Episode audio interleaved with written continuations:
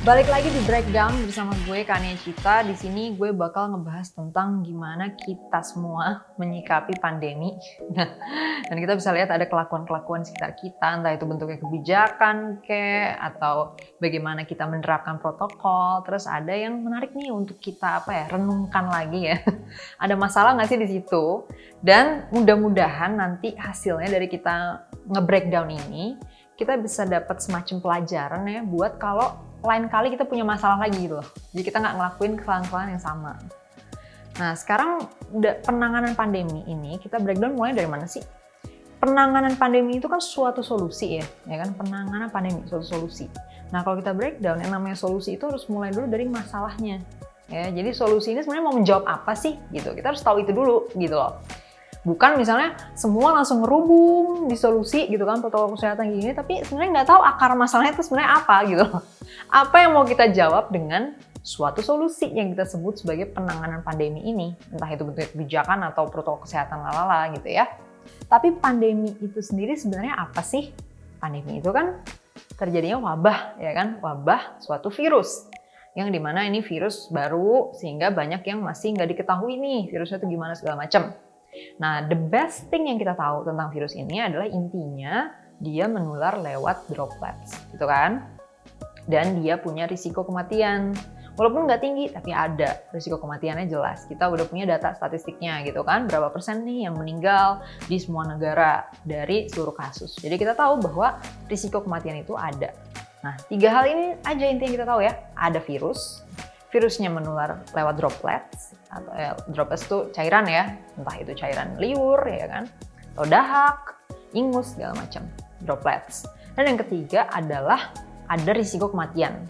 Udah, ini tiga hal ini yang kita tahu sebagai akar masalah dalam pandemi yang berusaha dihindarin sama semua orang. Berarti ujung-ujungnya kita hindarin apa sih kalau dari tiga fakta ini? Dua hal kan, sebenarnya ujungnya banget sih kita menghindari risiko kematian gitu kan. Jadi intinya kita sebisa mungkin menghindari orang-orang jangan meninggal dong gitu kan.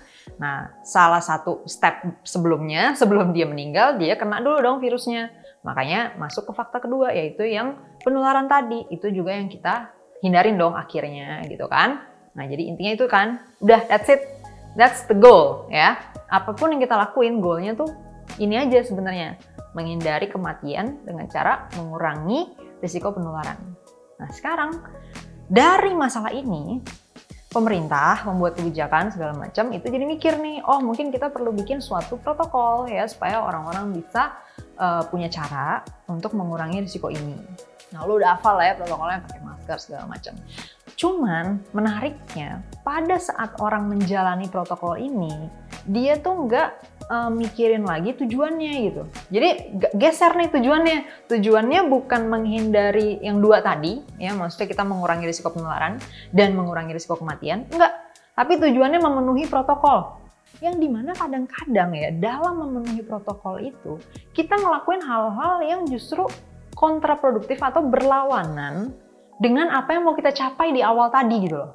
Yaitu kita pengen mengurangi risiko penularan dan risiko kematian. Karena tuh ini bisa nggak nyambung nih dua-duanya. Contohnya gimana? Nah sekarang gue kasih contoh. Contoh yang pertama adalah tentang penggunaan masker. Nah seperti yang kita tahu, faktanya kan dia menular lewat droplets kan. Jadi tujuan kita pakai masker itu apa sih? Ya menghindari droplets kita nyebar ke orang lain di jarak dekat gitu kan. Tapi menariknya ya, gue sempat lihat beredar video-video di mana ada orang-orang lagi apel protokol ya, entah itu polisi atau apa gue lupa ya, pokoknya petugas lah ya intinya. Petugas keamanan lagi apel gitu. Dia pakai masker nih pas datang. Tapi pas dia mulai ngomong mau sosialisasi ini tuh ya, dia buka maskernya. kan jadi lucu ya, karena apa? Loh kan masker itu kan tujuannya biar droplet lu nggak keluar di jarak dekat gitu kan. Jadi pas orang-orang berdiri di depan muka dia, eh dia malah buka masker buat ngomong. Sedangkan momen di mana dia ngomong itu kan momen di mana dropletnya justru banyak ya yang keluar. Nah jadi nggak nyambung kan akhirnya apa yang dia lakuin dengan yang namanya protokol kesehatan yang di mana tujuan awalnya banget lo harus ingat tujuan awalnya banget adalah intinya menurunkan risiko penularan dan risiko kematian. That's it gitu. Itu aja yang kita mau lakuin. Jadi jangan fokusnya tuh ke oh yang penting gue pakai masker, tapi pas ngomong maskernya di dagu, yang nggak ngaruh lah. kan dropletnya ada di mulut anda ya bos, gitu loh ya. Nah itu satu. Berikutnya, contoh case yang kedua ya selain case masker. Lo juga pasti inget kan bahwa sempat ada protokol di mana kalau lo mau ke stasiun, lo tuh masuknya mesti berdua-berdua. Pokoknya jalurnya tuh disempitin gitu ya. Nah, sehingga supaya apa? Supaya ada jarak dikit orangnya segala macam. Tapi apa kemudian yang terjadi pada saat protokol itu diterapkan? What's interesting adalah ketika lo ngeliat stasiun, yang terjadi adalah, ini ada pagar stasiun nih. Pagar stasiun, ini ada semacam petugas ya kan, terus ini eskalator naik ke atas gitu. Mau ke stasiun KRL kan, kalau lo naik gitu kan pakai eskalator gitu. Nah, dari pagar itu ke eskalator tuh emang berdua-berdua. Tapi masalahnya, sebelum pagar itu, orang-orang numpuk semua gitu karena orang itu banyak banget dan jalurnya nggak dibuat dari jauh gitu kan. Jadi jalurnya pas di pagar langsung dibikin berdua-berdua. Padahal sebelum di pagar ada seribuan orang. Nah emangnya virusnya ini ya kayak peduli gitu. Eh nih sebelum pagar gue nggak ada, sesudah pagar gue baru ada. Kan enggak ya. Jadi kepadatannya itu tetap aja ada walaupun lo udah bikin jalur berdua-berdua nih setelah pagar. Nah padahal sebelum pagar orang yang ngerubung di situ sampai nggak tahu udah mungkin udah nggak bisa napas ya nggak ada jarak lagi gitu. Nah jadi di sini lo bisa lihat nih kayak missing the point gitu Tujuannya apa sih kita bikin berdua-berdua? Ngerti nggak sih? Jadi lo bikin orang berdua-berdua bukan for the sake of you, udah penting berdua-berdua. Tapi ada goalnya nih yang di awal banget. yaitu mengurangi risiko penularan dan risiko kematian. Yang intinya mengurangi risiko penularan itu dengan cara apa? Ya kan orang menular lewat mana sih? Lewat droplets. Udah itu kan intinya kan. Jadi kita harus mengurangi ini supaya droplets nggak keluar. Nah sekarang kalau misalnya kita bikin berdua, terus ujung-ujungnya dampaknya adalah orang jadi panumpuk banyak, ya jadi jadi kontraproduktif dong, jadi jadi berlawanan kan. Akhirnya nggak tercapai juga dong tujuannya. Malah lebih mendingan nggak usah dibikin berdua-berdua, Ngerti nggak? Kenapa? Ya sama aja, justru malah lebih parah lagi nih karena space untuk orang ngantrinya malah lebih sedikit kan. Akhirnya di, di balik pagar semua pada ngerubung. itu jadi lucu. Nah, jadi percuma aja habis pagar berdua-dua juga buat apaan? Orang dari tadi kita udah desek-desekan gitu kan.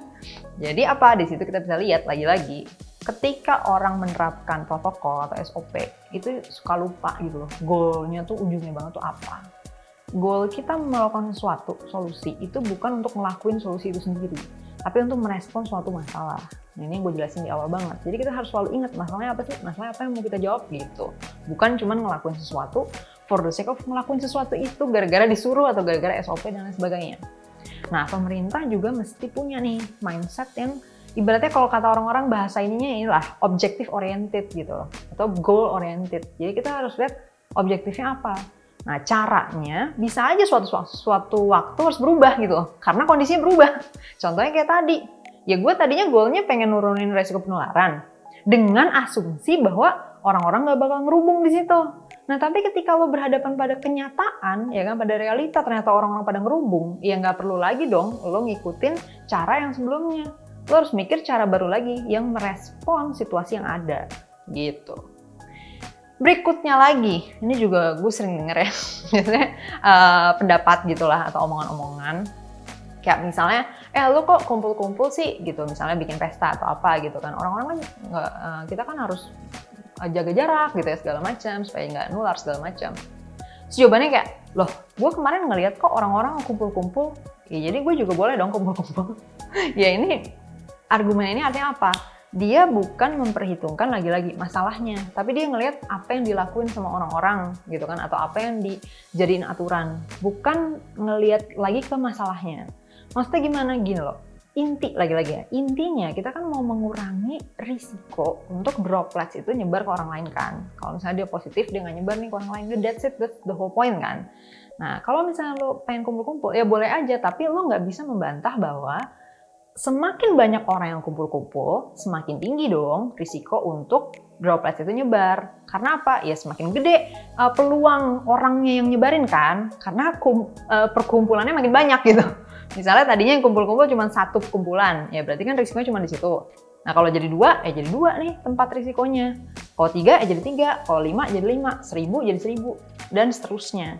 Artinya lo nggak bisa membantah komentar bahwa kalau lo kumpul-kumpul jadi makin parah nih. Nah itu lo nggak bisa bantah karena emang kalau misalnya bertambah titik kumpulnya memang bertambah risikonya gitu. Lo nggak bisa bantah itu dengan ngomong bahwa loh dia juga kumpul-kumpul, ya itu exactly. Kalau dia doang yang kumpul-kumpul itu satu. Kalau lo ikut kumpul-kumpul doang jadi dua yang kumpul-kumpul. Kalau ada lagi yang ikutan lagi jadi tiga dan seterusnya. Nah penambahan ini semua adalah peningkatan risiko kalau misalnya lo udah melihat itu ya udah lo harus akui gitu bahwa oh iya emang gue menambahkan risiko memang gue mau mengambil risiko itu gitu ya. Nggak bisa membantah dengan orang lain juga kumpul-kumpul. Ya iya kumpul-kumpul itu menambahkan risiko. That's it. Berikutnya lagi yang terakhir nih yang menarik banget ya. Jadi ketika kita menghadapi pandemi kemudian kan semua uh, pemerintah-pemerintah daerah itu berusaha merespons dengan membuat semacam protokol kesehatan kebijakan lain sebagainya Terus di tempat tinggal gue yang lama, yaitu kota Depok tercinta, itu ada aturan yang sangat menarik, yaitu aturan jam malam.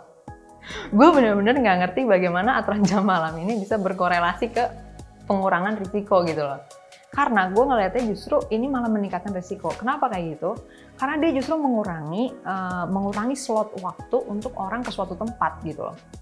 Nah, karena yang ditutup itu misalnya mall atau Alfamart ya, pokoknya grocery store segala macam kan orang tetap butuh beli makan kan? Jadi dengan lo membuat jam malam yang terjadi itu adalah bukan orang nggak jadi beli makan lah orang masih belilah makanan minuman segala macam masih beli kan? Tapi gara-gara ada jam malamnya akhirnya slot waktunya lebih sedikit dong. Jadi lo bayangin misalnya ada 100 orang nih mau beli makanan. Tadinya slot waktunya ada 10 Nah kan bisa aja tuh 10 orang per setiap slot, ya kan? 10 orang, 10 orang, 10 orang. Nah kalau slot waktunya cuma 5, dari 100 orang jadinya 20 dong per slot. Begitu juga kalau semakin sedikit lagi, misalnya cuma satu slot waktunya nih, cuma buka dari jam 6 sampai jam 7 misalnya. Iya 100-nya lah ngerubung di jam 6 sampai jam 7 ya nggak sih? Jadi sampai di situ sebenarnya kita bisa lihat, hmm, kayaknya jam malam ini not a good solution ya gitu kan. Justru kita malah butuh nambah slot waktu untuk orang bisa dicicil jadinya datangnya gitu loh. Jadi kalau misalnya lo buka di jam satu siang sampai jam 10 malam gitu, nah di jam 1 sampai jam 2 bisa dibatasin kapasitasnya, eh sorry ya, yang bisa masuk cuma 100 misalnya. Atau lebih dikit lah, misalnya cuma 10 gitu ya. Nah nanti kalau jam 2 sampai jam 3 ada lagi 10 lagi, 10 lagi dan seterusnya. Nah karena slotnya lebih banyak, bisa diambil semua tuh jadinya, semua yang mau masuk. Tapi kalau slotnya cuma dikit, ya makin padat dong di setiap slot waktunya. Gitu. Lagi-lagi, ini juga mungkin karena semacam uh, missing the point ya kan ke goalnya tadi yang di awal. Intinya goalnya tuh kita mau mengurangi risiko penularan yang lewat droplets tadi dan mengurangi risiko kematian dengan cara itu. Karena dengan semakin sedikit yang menular, semakin sedikit yang kena, semakin sedikit yang meninggal. That's the goal. Lain kali gue harap harapan gue ya dengan kita nge-breakdown kayak gini, kita jadi tahu bahwa nantinya next time kalau kita ada masalah lagi, yang kita hadapin bareng-bareng, kita bisa sama-sama ikut mikir suatu tindakan itu nyambung gak sih sama masalahnya gitu. That's it. Oke, okay, see you on next episode di Breakdown.